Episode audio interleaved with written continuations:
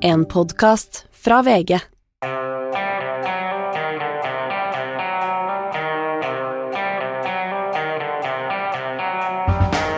Ikke visste jeg at alle disse dagene som kom og gikk, de var eh, selve uke åtte. Det er vinterferieuke her eh, i Oslo. Veldig mange har fri. Men ikke han som driver og borer i veggen her i eh, VG-huset, Per Olav. Han, han har aldri fri, han.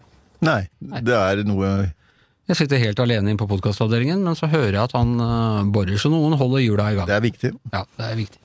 Ja, vi har forskjellige ting på agendaen, eh, men det, den saken som på mange måter overskygger det meste i dag, er jo at det er to år siden Russland gikk til angrep på Ukraina. Jeg hørte NRK hadde litt sånn anket og på gata og om folk tenkte mindre på krigen, og øh, noen måtte innrømme at ja, nå tenkte de ikke så mye på den og sånn. En av de som jeg tror tenker på den hver dag, det er deg, Per Olav. Ja, det vil jeg faktisk si at jeg gjør. Det er jo blitt en slags stillingskrig, dette her. Eh, De første ukene, månedene også av krigen, så skjedde det jo veldig dramatisk, var veldig dramatiske hendelser, og det var jo mange som eh, mer tenkte at Ukraina kunne, kun klare å stå imot i en uke eller to, eller kanskje litt lenger, og, men, det, men Russland ville vinne. Det var, var, også i vestlige land så tenkte man slik. Og så skjedde jo ikke det. De klarte å drive invasjonshæren tilbake, igjen tok tilbake halvparten av de områdene som russerne eh, okkuperte. Um, og så er det senere blitt en stillingskrig. Det betyr jo ikke at det er eh, stille ved fronten, det kriges og det er mange som faller hver dag, men eh, eh, det er over i en fase hvor ikke de får så, så stor oppmerksomhet kanskje som i den første. Og så var det jo altså en lang fase hvor man var litt revet med av en sånn eh, eh, seiershåp, hvor man trodde at ja, det lille Ukraina-landet, selvfølgelig med solid støtte fra Nato-land, ville klare å drive russerne tilbake og rett og slett eh, banke dem. Man, mange av oss var ganske revet med av en, eh, av en sånn eh, tanke. Ja da, det så jo nesten slik ut en stund, og um, eh, så er det nå er det over i en annen fase, som sagt. Den eh, ukrainske offensiven sist sommer den eh, ga ikke noen eh, synlige resultater, den ble ikke noe av, og det vi har sett i det aller siste har jo vært at russerne har vært på, viss, på offensiven en viss grad, men eh, jeg må jo si at hvis man tar utgangspunkt i det som var Putins begrunnelse for å gå til krig, så mener jeg han har tapt hver eneste dag siden i løpet av disse to årene. Han har ikke oppnådd noen av disse tingene han satte seg som mål, eh, og jeg har sagt det mange ganger før også her at eh, Russland taper denne krigen, eh, i hvert fall når man skal måle det etter det som Putin satte opp som begrunnelsen for å gå til krig. Og så sa jeg altså at det er to år siden, og det var vel for så vidt riktig to år siden Russland da angrep, men selve krigen har jo vart lenger, og det har gått mer opp for oss etter hvert. Eh, Astrid, du var faktisk i Ukraina i 2014, da konflikten egentlig startet, altså for, for ti år siden. Ja, ikke sant? Og de siste, siste halvåret kanskje bare, så har vi lært å kalle det som skjedde for to år siden, for fullskalainvasjon av Ukraina.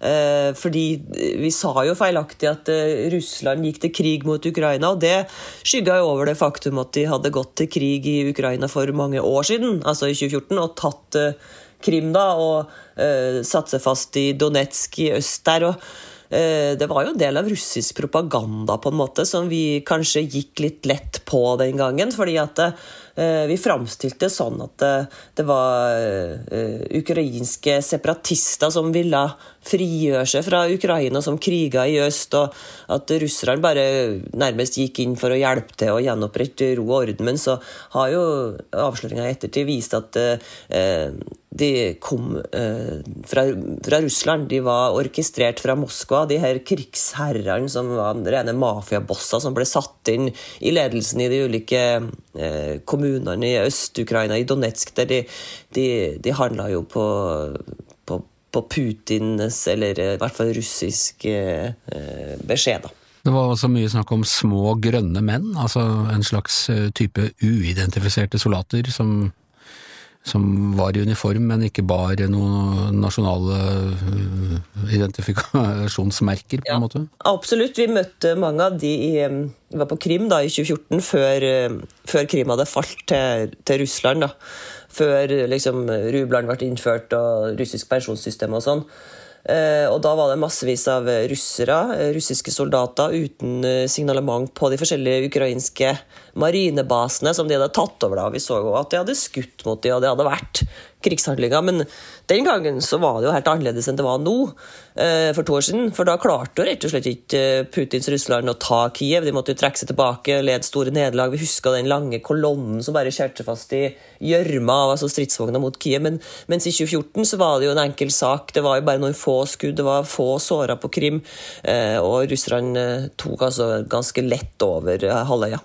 Når var det det internasjonale samfunnet, Nato eksempel, anerkjente at dette var en eh, krigskonflikt, eh, Per Olav? Var det først for to år siden, eller eh, hvordan omtalte man det? før? man kan i ettertid si at det som ble innført av sanksjoner og, mot Russland, var for, for svake og for lite, kanskje, eh, gjennomtenkte den gang. Men eh, det, jo, det var jo en vekker, det som skjedde i, i 2014. Det var jo det som førte til at eh, Nato på toppmøtet sitt i Wales satte dette 2 %-målet, som vi siden har snakket mye om, at det var nødvendig at nå må man over i en ny fase. For det var faktisk under Obama at det skjedde. Ja. Ja, og at eh, nå, dette, det som hadde skjedd på Krim, og det som hadde skjedd i Øst-Ukraina, og eh, det viste behovet for at eh, man måtte begynne å ruste opp, og at de europeiske allierte måtte ta et mye større ansvar for,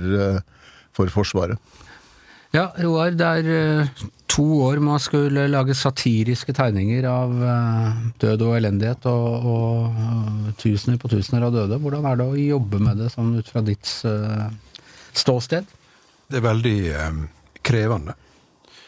Eh, og det er veldig tungt å gå inn i det, fordi at eh, du, du skjønner jo når du leser fakta at det er forferdelig mye menneskelig lidelse osv. Men sett fra en eh, sånn samfunnskritisk, satirisk vis, så er det jo klart det er en, også en storhetstid. Som de store krisene, andre verdenskrig og kalde kriger osv. For veldig mye når du, du leser bøker om avistegnernes historie og sånne ting, så er det jo ofte fra krigene og oppkjøring til krigene, de tegningene som har blitt stående igjen. Jeg kan jo nevne at Ragnvald Blix i sin tid, eh, da Stalin døde i 1953, så pensjonerte han seg. Ja. Fant ikke lenger interessant å være satiriker. Men, men Putin er jo en overmåte interessant karakter. og Vel, jeg håper jo at han har tapt krigen hver dag siden, men jeg er langt fra sikker på det. Og, og hvis, hvis Russland klarer å bite seg fast på Krim og, og kysten mot Asovhavet og få dette i en eller annen form for forhandling, så har de jo vunnet kanskje det de ville. Vi vet jo ikke hva de ville. Nå var jo Medvedev ute i dag, og, eller i går, og sa at eh, vi vet ikke hvor vi skal stoppe. Kanskje vi kan stoppe med Lviv. Eh, kanskje vi må ta eh, Kiev, osv. Så, videre. så det ligger jo en usikkerhet her om egentlige mål som vi ikke kjenner til. Men for meg å, å tolke Putin og behandle han som, som karakter og sånn, det er selvfølgelig svært, svært interessant. Ja, det var jo litt gøy med Boris Jeltsin òg, uten at han drev og angrep andre land. Av, av helt andre grunner. Og han har jeg jo møtt. Ja. Han var jo Det var han som slo kongen på skuldra og sa han misunner Hans Majestet som har så spretten kjerring. Han hadde dansa med dronning Sonja. Men, men det er bare det det Roar det sier. eh, Når jeg, jeg tenker på det som Målene til Russland er ganske tydelige og ganske klart formulert. Altså de skulle, Han ville ha et regimeskifte i Kiev. Han ville ha det man kalte en denazifisering, som bare er et absurd eh, påfunn som for å begrunne dette her. Han ville ha en demilitarisering. Han ville ikke at Nato skulle ta opp nye medlemmer. Han ville ha Nato-styrker ut av Øst-Europa. Alt, Ingenting av dette har skjedd. Tvert imot. Og demokratiet og opplevelsen av å være en nasjon og, og verne om selvstendigheten har jo bare blitt mye sterkere i Ukraina som følge av dette. Så det er begrunnelsen til at jeg sier han har tapt hver dag. Ja, og så har han jo tapt eh, Sverige og Finland som nøytrale naboland, selvfølgelig. Slike ting. Så det kan man jo legge på, legge på vektskåla. Men det var jo interessant det som, det som Tucker Carlson oppi alt Han spør skal vi gjenopprette grensene fra 1600-tallet. Da var jo denne kysten tyrkisk. Altså, da, det er jo der eh, St. Petersburg ligger, var jo svensk. Königsberg var tysk, osv. Så, så, så en gjenopprettelse av grensene gjelder jo åpenbart da kun for Russland. Da er, du, da er du konservativ, hvis du vil tilbake til 1600-tallsgrensene? Ja, men jeg tror det som er helt maktpåliggende for Putin og hans prosjekt, er å gjenopprette Altså at Belarus og Ukraina skal være en del av russisk innflytelsessfære. Altså er, de skal kontrollere de regimene der. Det er det som, sånn som han tenker. Skal vel egentlig utslette Ukraina som Ja, han aksepterer jo ikke at de er, de er ikke en ekte nasjon. De er ikke en, eh, det han avviser fullstendig. Og jeg mener han har oppnådd akkurat det stikk motsatt. Med å styrke den, nasjonal, den nasjonale følelsen da, i Ukraina. Og styrke nettopp dette. Og demokratiet der, som, eh, sånn at eh, det har virket helt helt mot eh, sin hensikt, da, det han har gjort, etter min oppfatning. Ja. Og som Roar sa, vi, altså, nå Finland er inne, og Sverige er uh, på vei inn. Og det har skjedd altså, i løpet av en toårsperiode. Hvis du for to år og én dag siden sa at om to år og én dag så er Sverige på vei inn i Nato, så hadde vi ikke trodd på det. Eller Finland, for den saks skyld. Nei, det satte jo virkelig fart på den prosessen, og det var jo det som Altså, Finland var først ute. Finske presidenten Ninisø snakket om det i nyttårstalen sin i for vel to år siden, at eh, Finland velger sin egen vei. De vil ikke bli diktert fra Moskva hva slags utenrikspolitikk de skal føre. Sverige fulgte jo etter. De søkte medlemskap i mai for snart to år siden. Mm, så har det vært litt kronglete, da, som vi alle vet. På grunn av de gamle tyrkiske grensene og litt sånne ting? Ja, eh, og, og hvor, men egentlig først og fremst fordi at både Tyrkia og Ungarn, som da har strittet imot her, har brukt den saken for å oppnå andre ting, da. Eh, for å oppnå noen fordeler, noen ting de ønsket å oppnå. Og nå er det jo nå er Ulf Kristersson, den svenske statsministeren, i, i um, Ungarn i dag, i Budapest, og møter Viktor Urban. Og de um, skal ikke forhandle om medlemskapet, var Kristersson veldig tydelig på å si. De er der for å snakke om forsvarssamarbeid. Men for Urban var det viktig å liksom ha én sånn runde, da, og sikkert for å gi et inntrykk til et hjemmepublikum Eh, at han nå eh, styrer og ordner med disse tingene og har kontroll. Eh, og han har brukt den saken så langt han har kunnet bruke den for å få innrømmelser fra EU og andre, for å få økonomiske fordeler, ikke minst. Men nå er det løpet kjørt, og mandag så kommer den parlamentet i Budapest til å godkjenne svensk medlemskap, og da er det bare noen formaliteter igjen før eh, det er et faktum. Ja. Du, altså, Roar nevnte Tucker Carlsson, Hans Petter. Det har jo vært en interessant, hva skal du si, eh, beef eh, som har flydd fram og tilbake over Atlanterhavet og der omkring. Altså, først hadde du Tucker Carlssons intervju Eh, han fikk mye kritikk eh, her, mens noen mente at ja, men det er viktig, vi må få, høre hva Putin sier. Så går Putin først ut og sier at han syns det intervjuet var altfor alt slapt og for, for, lite kritiske spørsmål. Altså, Tucker Carlson intervjuer en diktator og får kritikk av diktatoren etterpå pga. manglende kritiske spørsmål. Ja, og det har jo talkshow-vertene borti USA hatt veldig veldig moro med. da.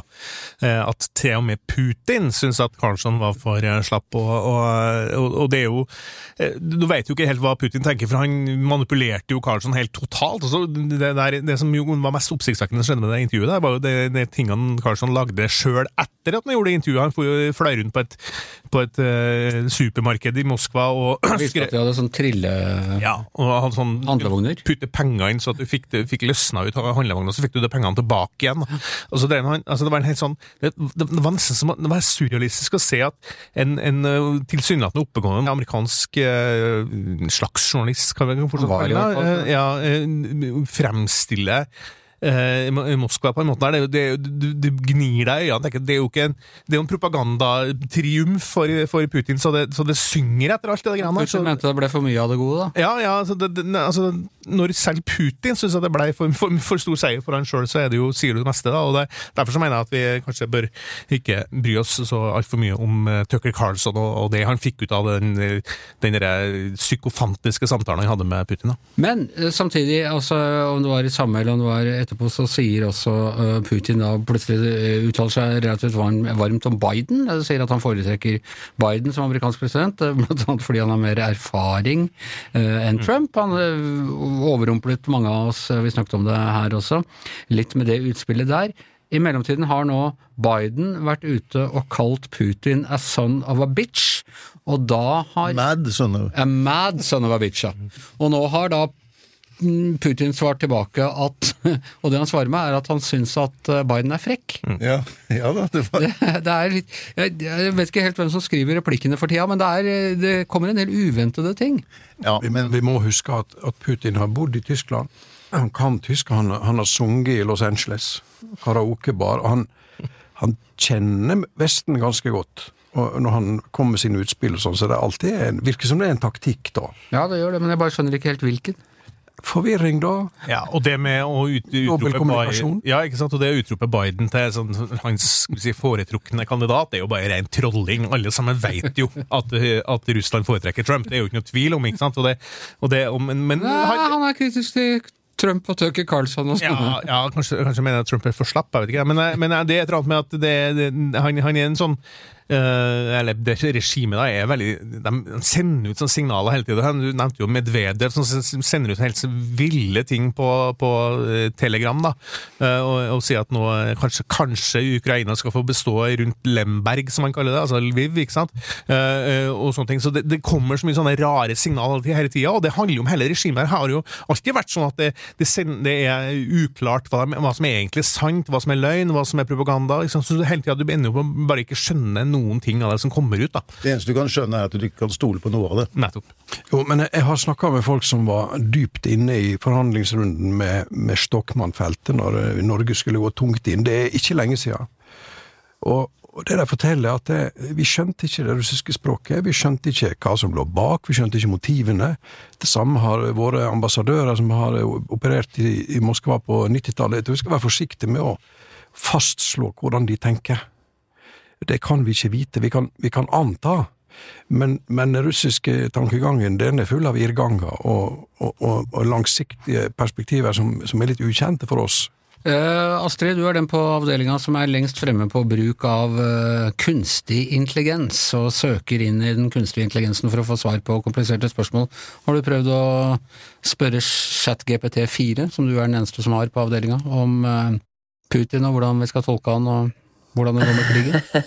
Nei, jeg har ikke det. Anders prøvde å spørre den om eh, det var ok å gå på ski i langrennsspor i stad, men den fikk sånn hiccup, så jeg har ikke fått noe svar ennå. Men jeg, skal komme. jeg kan godt spørre for deg, hvis du, hvis du vil. Vi kan gjøre det, gjøre det til mandag, vi kan heller det bli en grei overgang. Er for det, det er en årlig debatt blant noen av oss her i landet som eh, VGTV har laget en reportasje om som, vi skal, eh, som kommer i løpet av helgen. Hør på dette lille utdraget. Dette her skaper debatt, for bør turgåere egentlig gå i skisporet? Nemlig, det var eh, vår eh, kollega Kristoffer Gåsvær Torgersen som stilte dette brennende spørsmålet. Bør turgåere, folk som går til fots, som ikke har på seg ski, gå i skisporet? Svaret burde være opplagt, spør meg, men det er ikke alle som spør meg, og nå spør jeg deg, Astrid, hva syns du? Nei, altså, Anders jeg må jo bare innrømme at det går eh, i skisporet på føttene. Og, og med hvilken rett føler du at du kan gjøre det? Altså, Det er jo fordi at det er flatpakka snø i skisporet, sånn at det, har, det er behagelig for meg å gå på føttene i skisporet. Og så har jeg piggsko, sånn at det faller heller ikke. Og det, det er jo vil jo gjerne komme opp til fjells og se utsikten, se fjelltoppene. Gidder ikke å gå bare ned på bakken her i lavlandet, ned på asfalten. Det er jo kjempekjedelig. Hva med å gjøre det på ski? Ja, det er litt komplisert. It's complicated. altså, for det første så er jeg redd for å, for å stå nedoverblitt, dessverre. Og det er så bratt her jeg bor, på Nordmøre. Og for det andre, og den egentlige grunnen, er at jeg har en sykelig sånn skrittoppheng som flere, tror jeg, i, i Gjevrøyhengen Ja, kanskje har. og man får altså ingen skritt, eh, noe særlig skritt av å gå på ski. Eh, hvis man går på føttene, derimot, så får man masse fine skritt. Eh, på appen sin, da.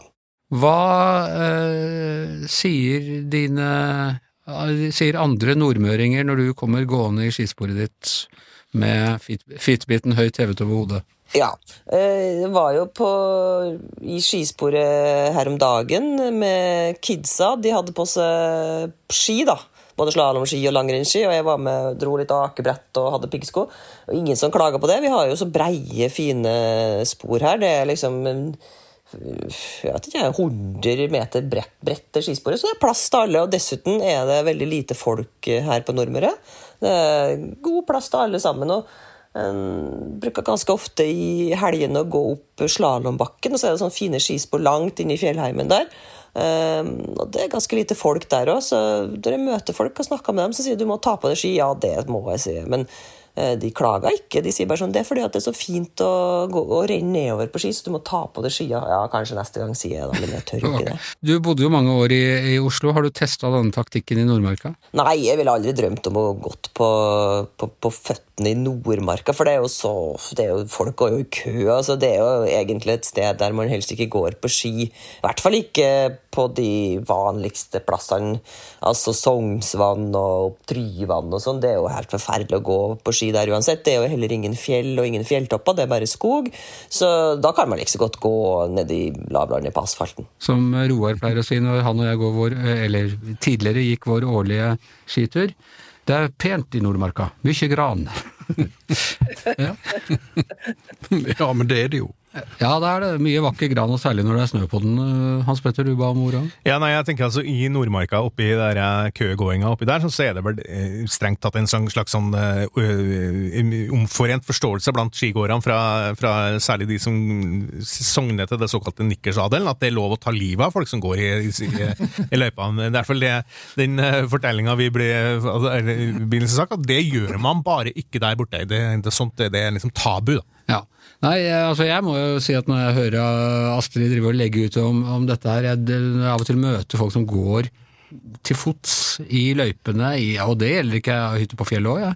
altså til fots i skiløypa, så tenker jeg at det må være noe feil med dem, Per Olav. Altså, hvordan i all verden altså, Tror du at disse løypene som folk da Jeg vet ikke hvor gammel den der uh, Foreningen til skiidrettens fremme er, ja, men de har altså bygget opp gjennom uh, over 100 år et løypenett som man har et par måneder, noen uker til rådighet uh, hvert år, og det er rimelig opplagt at du ikke går over der med noen andre ting enn ski? Ja, her er jeg fullstendig enig med deg, Anders.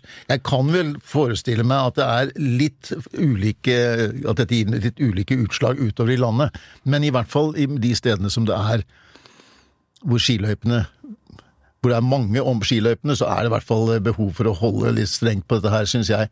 Men, uh, og jeg, jeg, mener også der som jeg har hytte, så er det, der er det enkelte steder hvor det står så skilt at her skal man ikke ferdes til fots i de skiløypene. Det er det lov, skilt for det. Men er det lov å komme med sånn sushidroner inn på det, det hyttefeltet ditt? Er det lov? Ja, det, lufttrafikk er tillatt, ja. Mm, men ikke tråkk Selv om det bråker litt mye? Nei, ja, men det må vi akseptere. For det var en annen sak denne uh, uka. Det var NRK som hadde at det er uh, Oslofolk, tror jeg de omtaler det som. Uh, de får nå uh, levert sushi på, på, hytta med droner. Og så er det andre folk som klager fordi, fordi det bråker og forstyrrer hytteidyllen. Det er for jævlig i verdens rikeste land, Astrid, at du ikke skal få levert sushi på hytta uten at janteloven skal kicke inn. Jeg hørte jo at de skulle få sushi i Sveits den eh, påska, eller var det vinterferien? Fordi at alle de rikingene som har flytta til Sveits, som er norsk, da, de sliter sånn med sushikvaliteten i Sveits. Så det er å åpne opp en pop-opp-butikk for Alex Sushi i Sveits, hørte jeg. Så, ja. Men altså, konflikten her på, på, bygda er jo akkurat den samme som i byen eh, når det gjelder bråk og sånn. Vi er sure på scooterkjørerne, mange av oss, mens mange elsker scooterkjøring. Eh, og jeg hørte den dronelyden på Dagsrevyen fra Sushi nå, på Sjusjøen. Sjusjøen heter det. Ja. Sushisjøen. Ja. Jeg syns det var ganske irriterende hvis det kom en sånn drone. Så det er nesten like irriterende som eh, bråket fra snøscooterkjøring når du sitter i hytteveggen og nyter appelsin. Det kommer en drone med bråkemake. Ja, bråkemake, ja. Det er det nye. Jeg har en, et forslag til kompromiss da, eh, i det der skibråket, om det er lov å gå i løypa eller ikke. Så Istedenfor å gå i løypa, hvis du ikke liker å gå på ski, så kan du gå, noe, gå utenfor løypa. Da kan du bruke det som er min foretrukne eh, fottøy i marka nå. Det er nemlig truger. Det er, truger er en veldig gammel, eh, fin ting, sant? som jeg bare oppdaga på nytt eh, for noen år siden. Og, og det å gå rundt i løssnøen med skikkelig gode truger og skistaver, det er faktisk veldig, veldig eh, artig. Og det er en helt annen måte å oppleve naturen på. og Da, da kommer du også litt ut av da, de oppkjørte sporene der alle andre går. Så jeg oppfordrer alle til å bruke truger. Og så har jeg oppdaga at struger på engelsk faktisk heter snowshoes, og det er veldig, synes jeg var ganske søtt. Jeg har faktisk vært i, i byen Norway i Maine, som eh, lenge hevdet å være snowshoe capital of the world, men det er selvfølgelig blitt outsourca til Kina, det også. Men eh, Roar, du har innvendinger mot truger også, du? Problemet for meg med mitt, med, med mitt overs, hva heter det, hypersensitive blikk, det er at folk blir så breibeint når de går med truge, og får sånn Donald Duck-ange, slik, at en mann, eller kvinne, eller mann da, som du tar ellers seriøst, så har du problemer med å ta seriøst og komme med truge. Men er det noe, du trenger ikke å ta ham seriøst mens han går på truger, du bare suser jo forbi på dine gamle Men det Eh, forsvinner jo ikke fra det indre blikket, vet du. Men det er jo sånn, Hvis du går inn i skogen eller i sånn eh, utmarka, sånn, så er det jo helt umulig å gå på ski inn i, visse områder, spesielt i, ja, i granskog eller hva som helst. Eh, og Da er det jo fint å gå med truga, for da opplever du skogen på en helt annen måte. Og Dessuten så tror jeg truga nå har blitt så eh, populært at eh, eksempel min kone, som er blitt et sånn ordentlig turmenneske med åra, hun, hun har kjøpt seg nye, eller fikk, fikk nye truger til, til jul, og de var skikkelig kule. Altså, ordentlig, så, så det er ikke det der tjukke brei, breibenttrugene som er tilbake. Det Nå er er ikke tennisracketen? sånn- Nei, noe en slags sånn, eh, ligner litt på jetski, på en måte. Det, det, og de er skikkelig bra. Altså, så nei, truga er det, er det kuleste. Jeg husker du kom tilbake etter en helg på Toten, tror jeg, for noen år siden. Du, det var nesten så du hadde hatt en sånn uh, Epiphany. Ja, faktisk en virkelig en, du, var, du kom tilbake med et nytt syn på livet, og i hvert fall livet på vinteren. Uh, og snakket så varmt som du var nyfrelst altså på disse trugene. Og har drevet eh, innimellom fortsatt den misjoneringen. Men Hva tror du, Astrid? Det er ikke noe, sånn, det er ikke noe skrittvennlig. Nei, altså Jeg har gått masse på truger, og det går an, det, men det er utrolig tungt. Og hvis du skal på toppen av det fjellet, så blir du jo helt utslitt. For at, i hvert fall hvis det er litt snø, så er det jo ikke sånn at du bare flyr opp på snøen. Men jeg tror det er bra for uh, sikkert eh, lårmuskulaturen og rumpa, sikkert. Altså, det er sikkert masse bra med truger, altså, men tungt er det i hvert fall. Men jeg regner med hvis jeg går i sånn normal gange, så går jeg eh, 120 skritt i minuttet. Hvor mange skritt tror du du tar på truger? Ja, det, blir, det er lite effektivt, altså. Det er tungt, altså. Jeg går jo sånn 8000-9000 skritt i timen, Anders, og på truger så vil det sikkert bare bli det halvpart, halvparten, altså. Jeg må jo minne en av de mest berømte norske amerikanere, var jo Snowshoe Thompson. Ja, stemmer det. Stemmer det. Som eh, ble berømt og han tok seg ut i det amerikanske vinterlandskapet. Da. Så det, det, det er jo en Jeg er lurer på om han som da kanskje grunnla Norway Maine eh, med, med ja, og la grunnlaget for denne Tru, Truge-Thomsen. Trugesson. Ja, ja, nettopp. Ok, eh, nok om det. Vi må snakke litt om eh, politikk også. Eh, vært litt vinterferie i eh, mye av norsk politikk, Hans Petter, men det gir deg og meg og en del andre særinger og sekterister eh, mulighet til å konsentrere oss om andre politiske fenomener, som for eksempel splittelsen i Rød Ungdom. Ja, det her er, Nå er vi inne på noe som er bare noen en håndfull mennesker er interessert i, kanskje, men, men det er jo litt det er jo fascinerende, da. Eh, vi har jo, eh, Anders, blitt beskyldt for, å- for å være, eh, stå for noe som kalles for sentrisme, nemlig at man er liksom eh, stilt seg i midten av, eh, av ting, men, men det som er rir rød ungdom Sentrumekstremister ja, ja. for være. for, forkortelse sentrisme, da, med ja. et lite ordspill her.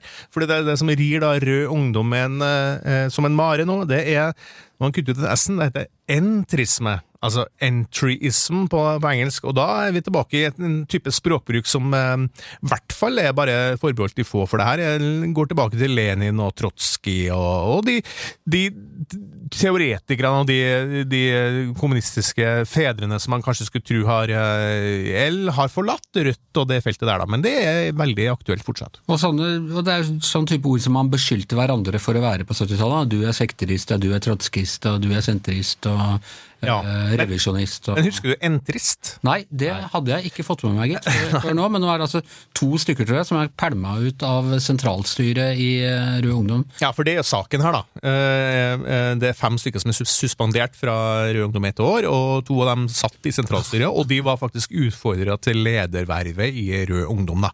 Eh, Og nå er de eh, pælma ut, og noe av grunnen til det er at de er såkalte entrister, da, og må forklare det, det handler vel noe så enkelt som at man beskylder dem for å gå inn og ta over organisasjonen. Man har et annet, skal vi si, eh, ideologisk ståsted, et eller annet sånt, og så går man inn i organisasjonen, og er målet da å ta over eh, den organisasjonen. Et slags kupp, da. Ja. Og det her er, de, de som da er eh, suspendert her, de har tilhørt noe, et sånt Discord-forum som heter for Marxistisk plattform, og vi kan jo bare tenke oss det, hva som, hvilke diskusjoner som foregår der. Ja, Og så har de da, er de da mistenkt for å ha gått inn i Rød Ungdom for å overta Rød Ungdom, eller er det at de oppfordrer at Rød Ungdom skal gå inn i f.eks. Arbeiderpartiet for å overta Arbeiderpartiet? Nei, nei, det, det her er entrisme fra skal vi si, utsida av Eller det er jo litt ja, Noen som vil ta over Rød Ungdom, da. Ja. Fordi, fordi poenget her er vel det, det er jo en gammel strid eh, på ytre venstre øh, som, som har blitt veldig aktuelt gjennom det her. Da, at øh, kanskje ledelsen i, i Rødt da har prøvd å bli litt mer eh, mindre kommunistisk og litt mer sosialdemokratisk, kanskje. ikke sant? Mens det her er da en, en gruppe som mener at ytre venstre må fortsatt holde marxismen og, og de tesene fra Lenin og Mao og, og Trotskij Nei, kanskje ikke Trotskij, da, men Lenin og Mao i hvert fall. eh, For Trotskij var revisjonist? ja? Trotskij har de et veldig vanskelig forhold til Ja. ytre venstre. Eh, Så er jo det at, eh, at eh, folk i Rødt er jo fryktelig irritert på det her, da. Syns jo det er en sånn uh, veldig lei eh, sak, egentlig, fordi, fordi det her uh, på en måte bringer jo opp igjen tanker rundt det partiprosjektet som man kanskje trodde de var ferdig med, da, nemlig eh, sånn type maoisme og, og veldig, veldig ytterliggående eh, radikal politikk. Da. Men eh, for å prøve å overføre dette til en annen litt større politisk konflikt, når eh, Trond Giske og Nidaros, kan de mistenkes for entrisme i Arbeiderpartiet? Ja, det kan de. Ja.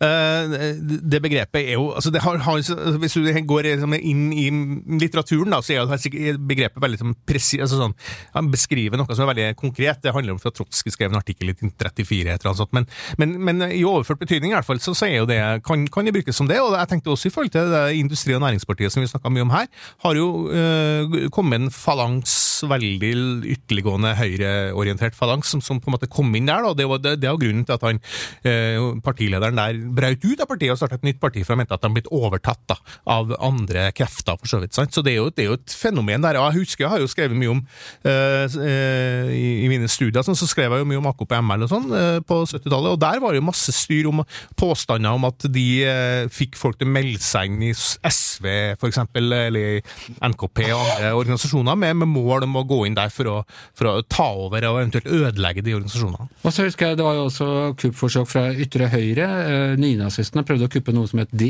ensliges parti, Ja, eh, blant annet. Og det hadde vært litt pussig hvis Ensliges parti ble et naziparti, men, uh, men det var i hvert fall noen sånne forsøk. Ja, og det er jo ikke nødvendigvis at det er bare sånne ekstreme ting heller. Det, det, hvis det er en organisasjon klar der, sant, som står der, så er det jo klart, da er det jo fristende for noen hver å gå- inn der og prøve å liksom overta det. det er Parasittvirksomhet. Ja, altså, ja. Snylteveps. Ja, men vi snakker jo om sånn femtekolonne, og det er mange sånne, begreper for det her, da. Mm. Men jeg vil bare si en ting, at Rød Ungdom og Rødt, da, særlig, kanskje særlig Rød Ungdom, jo, er jo i trøbbel, altså, fordi eh, Så på skolevalget i høst så, så gjorde de jo skikkelig dårlig. Det har jo pleid å vært ganske stort det blant ungdom, det her, ikke sant? og de fikk bare 2,7% det var mindre enn KrF. Eh, og det betyr jo at eh, Og mindre enn Moderpartiet. ja, mye mindre. Og, eller, ja, og det betyr i hvert fall at uh, ytre venstre i Norge, som jo hadde et stort oppsving ganske lenge nå, uh, ikke lenger er i synk med tidsånden. Og, og så vidt jeg forstår, da, så, så er det altså her uh, det det handler om, er liksom en blanding av en sånn gammel kommunisme og så en liksom ganske ekstrem form for sånn woke, som vi snakker om, da, til, så- som er på en måte i strid med skal vi si, den mer tradisjonell tenking ute på, på venstresida. Men det ser ikke ut som de får det til. altså Disse kuppmaker, disse entristene blir outrert, eller uh, kasta ut, i hvert fall. Ja, i hvert fall foreløpig et år, da. Så for, for de som er interessert i sånt, får følge med videre på hva som skjer Vi, internt vi, vi gjør som Jonas Gahr Støre, vi følger situasjonen nøye.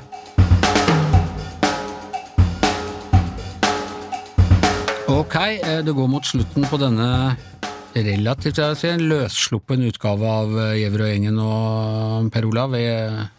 Trug, Truger og Rød Ungdom. Der. Vi startet jo veldig seriøst. Vi startet veldig det seriøst, var vi eh, nok kanskje hovedinnholdet i den første delen der. Det var i hvert fall eh, alvorlig nok. vi startet, og så jobbet vi oss ned til det rene sludder. Det kan man også si. Ok, eh, men vi skal ha helgetips til de som fortsatt hører på, så kan vi starte med deg da, Astrid. Ja, em, apropos woke og identitetspolitikk og klasse, så driver jeg for tida og leser den danske forfatteren Glenn Beck. Han har blitt utgitt på norsk i år. To bøker, 'Farskipet' og den andre heter 'Jeg anerkjenner ikke lenger deres autoritet'. Og det er den siste jeg liker best. Um, han er på en måte en sånn dansk Edvard Louis. Han mista faren til selvmord, han er skeiv, han er mobbeoffer, han er mot venstresidas uh, uh, woke identitet, identitetspolitikk. Og der, Er det romaner, eller er det pro... Er det Ja. sånn, ja. Ja, hva skal vi si, det er en slags roman, uh, skrevet nærmest som et dikt, eller som prosa. Uh, Den første er veldig mye vanskeligere å lese, for den har så masse innskutte parenteser, bisetninger, rar tegnsetting, men den siste, altså den uh, autoritet, den er mye lettere å lese. ja. Leser du på dansk? Nei, den kom på norsk nå for et par uker siden, så jeg tar den på norsk. Ja. Ok. Per Olav? Eh, Ja, da tror jeg jeg vil si eh, Jeg leste nettopp ferdig den eh, trilogien til Lars Mytting. Eh, 'Skråpånatta' er den siste, 'Søsterklokkene' var den første. Jeg gleder meg til å lese den. Ja, jeg, jeg synes han har klart å gjøre disse skikkelsene veldig levende for meg som leser. Og så er det jo skrevet inn i en historisk sammenheng. Dette er jo en historie om Norge, det, fra slutten av 1800-tallet og, og, og fram til etter krigen. Og litt røpevarsko, men går det på en måte tilbake til utgangspunktet og denne skrå på natta og disse tvillingene og alt sammen? Ja, det er jo noen sånne motiver som kommer igjen her hele tiden. Og du får liksom fragmenter av den historien i de tidlige første par bindene, og så får du på en måte hele Hele veven, for å si det slik, eh, ser du i sin helhet i siste bok. Jeg syns det er fantastisk bra skrevet. Ja, den står definitivt på lista mi, eh, Hans Petter. Ja, Nå ble det veldig eh, litt rært her, da, og litt eh, ordentlig, men jeg tenkte jeg skulle ta en, slå et slag for komedien. Og uh, som vi alle vet, så blir jo komikere kjedelige med alderen. De blir litt sånn tørre og litt sure med alderen, bortsett fra én! Han, er fortsatt like sur, men han er fortsatt like morsom, nemlig Larry David. Og eh, Det kom en ny sesong av Curb Your Enthusiasm, som eh, altså på, går på HBO Max. Og den er vel en sesong nummer Hva er det? Jeg, tror, jeg husker ikke. jeg. Åtte, tror jeg. Nei, jeg tror det er mer enn det. Er det mer? Enn det, ja. Ja, sånt. det, det er veldig mange Ja, i hvert fall er det 120. Veldig veldig mange sesonger, og poenget er at de er faktisk like morsomme fortsatt. og Larry David vil gå langt opp i 70-åra, og han er altså, helt ufattelig imponert over det, hvordan det går an å være så gjennomført morsom og holde på det han har holdt på med hele tida, i, i, i en såpass fremskreden alder, da, for å si det sånn. Og han, han er faktisk eh, ja, det, han er, Jeg vil utrope Larry David til et utvilsomt geni, og han holder koken fortsatt. Fordelen er jo at han startet jo som en sur gammel mann allerede da han var ganske ung. Ja, og han ser jo akkurat lik ut også, på en eller annen måte har beholdt eh, sin, eh, sitt eh, signaturutseende. Så jeg anbefaler veldig siste nye sesongen av Curb Your Og det støtter jeg, Hans Petter. Helt enig med deg. Joar? Det er litt sånn aldersfordommer her, liksom. Ageism? Age, ageism. Jeg kunne jo anbefalt Larry David, han er jo utrolig morsom, men ettersom vi snakka om, om Russland i innledningen til denne podkasten, så, så kan jeg anbefale å gå ut og få tak i en paperback av eh, Montefiores eh, bok om Romanovene. Den, den elleville historien om den russiske tsarfamilien og kongefamilien. Det er overgår alt du kan drømme om av fiksjon. Og Montefiore det er han som er mest kjent for den store Jerusalem-biografien som kom for Ja, blant annet. Han har også skrevet om Stalin og, og mange, men, men Historiker og veldig stor forteller. veldig stor forteller. Han var nettopp i Oslo på. Litteraturhuset, forresten. Og, og den, er, den er Du blir jo aldri klok på Russland, men, men vi skjønner at det her hadde skjedd enorme ting, og med stort drama, og i mange, mange hundre år.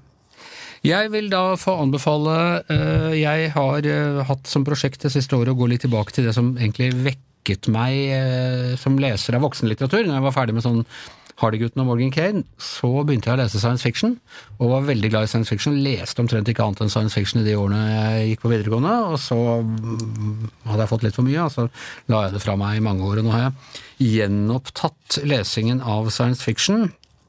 Og denne boka den fordrer kanskje at du er litt som meg, at du har lest litt science fiction tidligere, har et forhold til alle de gamle klassikerne, Robert Heinlein og, og eh, Alfred Besser og alle de som utgjorde det som ble kalt gullalderen på 40-, 50- og 60-tallet. Den heter The Circumference of the World. Det er en israelsk forfatter som heter Lavi Tidar som har eh, skrevet den, og den en eh, Den blander veldig mange av de klassiske science fiction-sjangerne. Det er litt sånn space-opera, det er eh, litt fremmede planeter, det er litt detektivmysterium, og så er det ganske mye eh, om dette gamle science fiction-miljøet, hvor han L. Ron Hubbard, som etter å ha skrevet science fiction-historier og romaner i mange år, grunnla scientologikirken.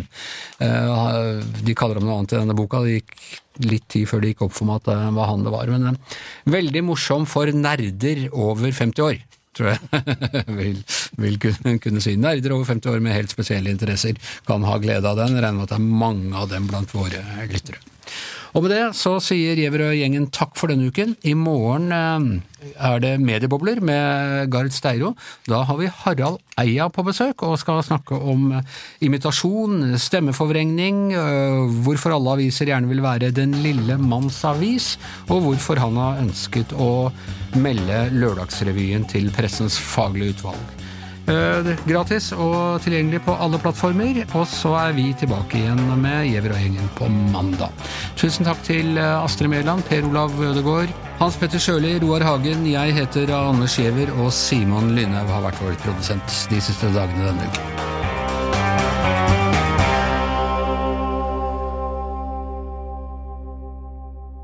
Du har hørt en podkast fra VG. Ansvarlig redaktør, Gard Steiro.